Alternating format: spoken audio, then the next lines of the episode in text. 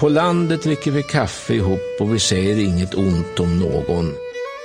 När Göran Persson avgick som statsminister var det för att leva ett stillsamt liv på landsbygden.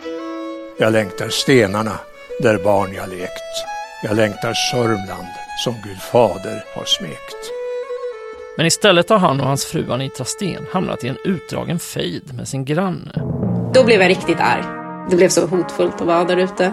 Det var en krigsföring från deras sida hela tiden. De bråkade om arrendekontrakt, om tomtgränser, om parkeringsplatser, om båtplatser, om latrintunnor och om smygtagna foton. Göran har ju vunnit många envisa slag förr. Han är inte den som viker ner sig. För Kaj tycks ju den här konflikten ha ätit sig in i honom. Svenska Dagbladets podd Blända berättar historien om Göran Perssons oönskade granne.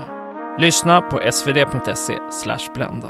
Sämjan är bra med grannarna. Ja. Oh ja.